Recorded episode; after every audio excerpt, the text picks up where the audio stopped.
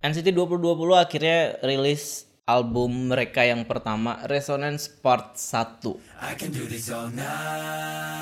gue udah dengerin semua lagunya.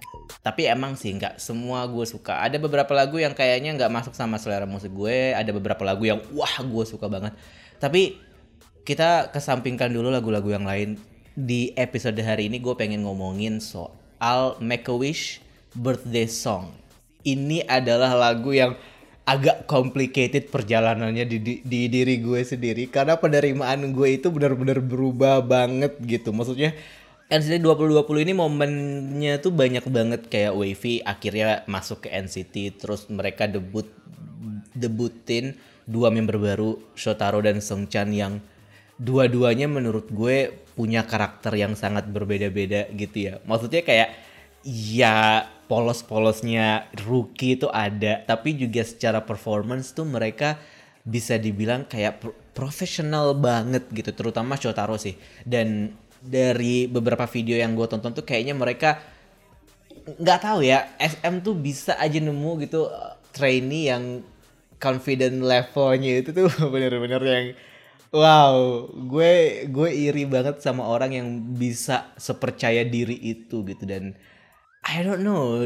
Shotaro buat gue sangat-sangat uh, inspiratif kalau menurut gue. Kayak nggak tahu gue gue bingung untuk menjelaskannya kayak gimana. Tapi anyway um, birthday song Make a Wish. Banyak yang bilang lagu ini bagus banyak yang bilang uh, suka sama lagu ini.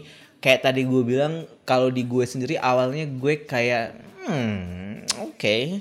ya udah baik gitu sampai akhirnya masuk ke partnya Doyong dan Xiaojun di first 2 wah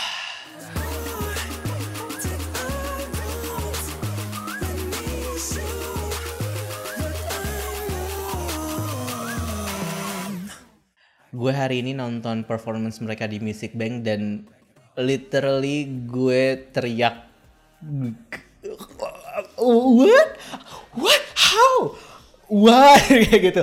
Itulah kenapa gue bilang lagu ini perjalanannya agak complicated di gue. Karena penerimaannya di awal tuh kayak hmm ya oke okay, baik ya udah uh, rap Taeyong since gue bukan not a rapper guy, not a rapper fan, not a rap fan, anyway, not a hip hop fan dan gue emang tipe yang gimana ya gue menjelaskannya bukannya gue hate atau benci ya hate sama benci sama Ron maksudnya gue lebih ke vokalis jadi gue nggak terlalu menikmati lagu yang mungkin rapnya itu kalau misalkan ada lagu yang rapnya 70-30 gitu 70% rap 30% vokal mungkin gue nggak akan mendengarkan lagu itu uh, on my daily basis gitu. Tapi kalau misalkan lagunya 70 vokal 30 rap, gue masih bisa menikmatinya gitu. Makanya di EXO gue nggak terlalu menikmati beberapa lagu yang terlalu banyak rapnya. Even in di konser gitu, kalau misalkan lagunya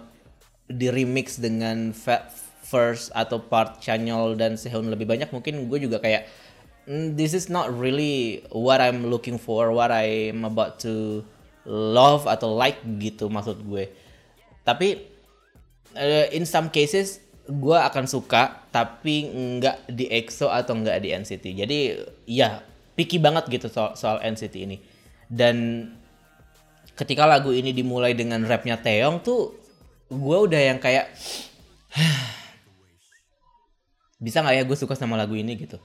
Tapi kembali ke NCT 2018 sedikit ketika Bos keluar juga sebenarnya Bos kan um, lagunya part rapnya juga terbilang masif ya dan di situ Mark sama Taeyong juga cukup punya part yang bener-bener kayak maksud gue 2018 itu kan bener-bener SM tuh lagi ngejual Mark banget gitu. Jadi semua tuh Mark banyak gitu dan di situ Mark sama Taeyong gue rasa cukup mendominasi gitu. Dan Bos tapi gue suka uh, bos tapi gue suka. Terlepas dari mungkin memang part rapnya lebih banyak dan part vokalnya nggak terlalu banyak tapi kayaknya kalau di bos itu mungkin uh, rasionya bisa 50-50 atau enggak 60-40 mungkin. Tapi kalau di Make a Wish ini atau atau di lagu-lagu yang lain gue prefer mungkin memang ya kadar lagu yang bisa gue toleransi rapnya mungkin cuma 30 uh, oke di Ma- Mike Mike di Make a Wish ini gue awalnya kayak hmm, apakah ini akan jadi lagu yang ke situ arahnya ke yang rap rap gitu gitu. Gue mikirnya karena pas awal tuh langsung "Mm, apa sih ini? gitu.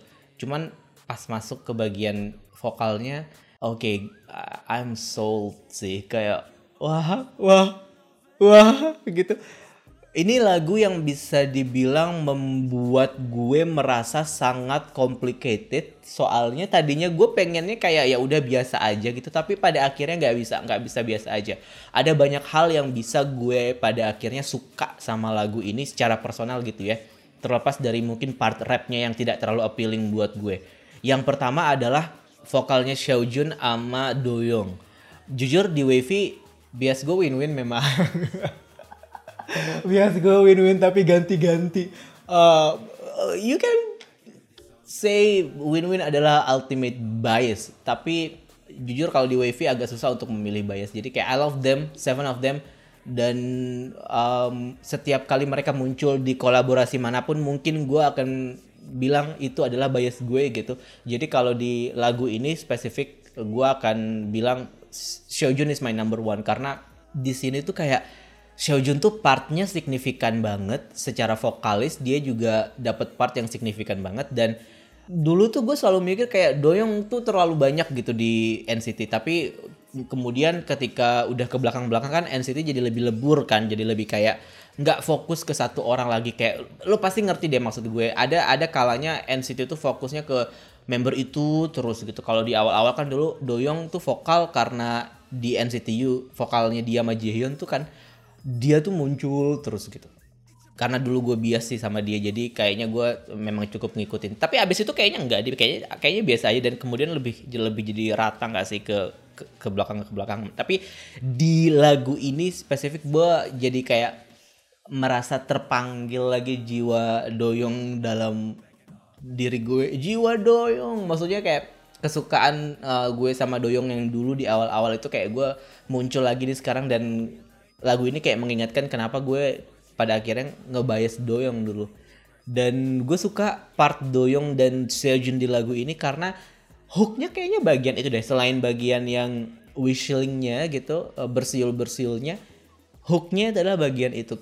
Spesifik di bagian Doyong di part saat di verse 1 itu gue yang wah ini bagus banget gitu. Terus pas masuk ke bagian Seojun di part 2 apalagi di bridge-nya itu kayak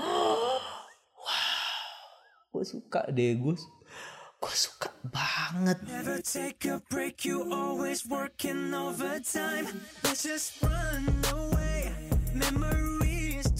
gue suka banget.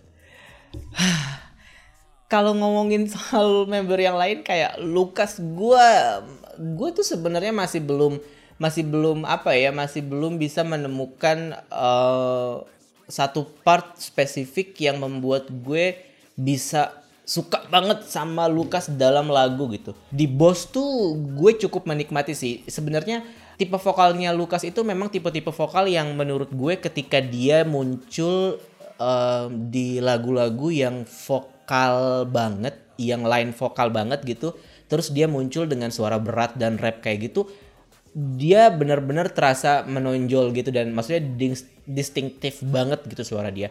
Mungkin contoh yang bisa gue kasih adalah lagunya Theon yang featuring Lukas. Yeah, music see the light, through the night I hold you. My moonlight loving you brings me to life.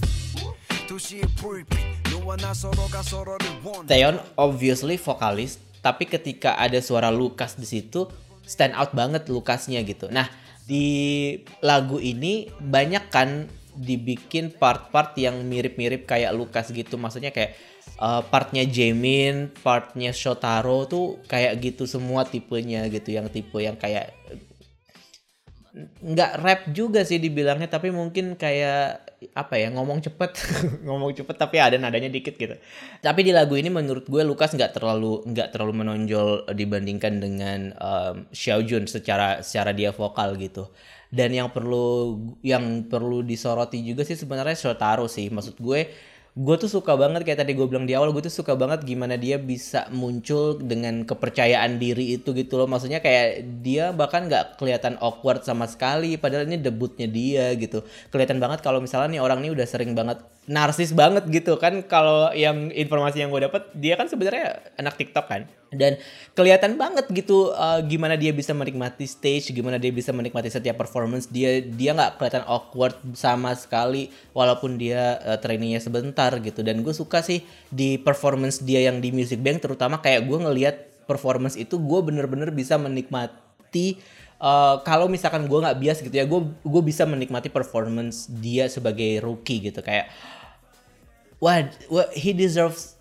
a lot more sih menurut gue. Dan uh, spesifik bagian yang di, dikasih ke dia ya part nyanyi dia gue rasa juga kayak memang sih tidak terlalu menunjukkan uh, kualitas dia sebagai apa nyebutnya rapper atau vokalis gitu enggak juga karena part dia ya itu tadi part yang kayak Lukas gitu yang yang pendek terus enggak nggak terlalu bernada gimana gimana yang kayak cuman nge-rap tapi nggak nge-rap juga kayak ngomong aja gitu dan di situ menurut gue dap dia dapat part yang cocok dan pas sih. Maksudnya uh, di sisi lain gue merasa kayak iya mungkin secara vokal mungkin Shotaro yang nggak bisa lo sandingin sama Doyong sama Xiaojun gitu. Dan um, bagusnya dari konsep NCT kan sebenarnya karena membernya tuh banyak, terus lo bisa dapat banyak warna vokal, banyak banget um, vokalis dan juga orang yang bisa nge-rap gitu ataupun juga lo bisa dapat banyak banget orang-orang yang uh, bisa dikasih part-part pendek dan juga sedikit kayak Shotaro dan Lukas ini gitu. Lo ngomongin part sedikit kita nggak bisa nggak ngomongin win-win sih. Tapi karena di sini nggak ada win-win jadi kita nggak usah ngomongin win-win aja karena mungkin itu bisa jadi panjang omongannya. Maksud gue uh, ada banyak member NCT yang memang cocok untuk dikasih part-part pendek, part-part yang nggak terlalu signifikan tapi terdengar enak dan uh, melengkapi lagunya gitu. Nah, Shotaro menurut gue di lagu ini tuh dapet part itu nggak terlalu banyak partnya, nggak terlalu panjang juga, tapi cocok dan pas dengan dia yang baru debut. Mungkin juga uh, secara vokal mungkin Shotaro nggak se Doyong atau nggak se Xiaojun gitu secara rap dia mungkin nggak se Taeyong tapi SM sangat mempertimbangkan semuanya pasti sih uh, nggak mungkin asal-asalan dan mereka tuh ngasih part yang menurut gue pas banget buat Sotaro gitu. Pas banget beneran kayak bahkan biasanya gue kalau ke win-win mungkin gue komplain gitu ya kayak ha win-win partnya segitu doang gitu. Tapi untuk yang Shotaro ini kayak gue nggak ada komplain sama sekali kayak pas oke okay, gue bisa menerima itu gitu. Gue bisa banget menerima itu. Jadi wow jadi part yang pas uh, rapnya pas vokalnya juga pas gitu ada Jaehyun ada Doyoung ada Xiaojun di lagu ini. Yang bikin lagu ini jadi kayak menurut gue stand out banget dan menurut gue jadi itu tadi awalnya gue nggak suka tapi lama-lama kok nggak lama-lama. Kayaknya itu gue mulai sukanya itu pas pertama kali gue denger dan ketika udah masuk part Doyong dan Xiaojun itu kayak oke okay, itu langsung mengubah perspektif gue soal lagu ini dan gue bisa menikmatinya pada akhirnya. Oh I love this song so much. Jadi pengen banget spacing lagu ini sebenarnya dan tadinya gue pengen bikin postingan di blog soal ini tapi gue lagi males banget nulis. So ya udah gue meracau aja di sini dan jangan lupa untuk streaming uh, Make a Wish.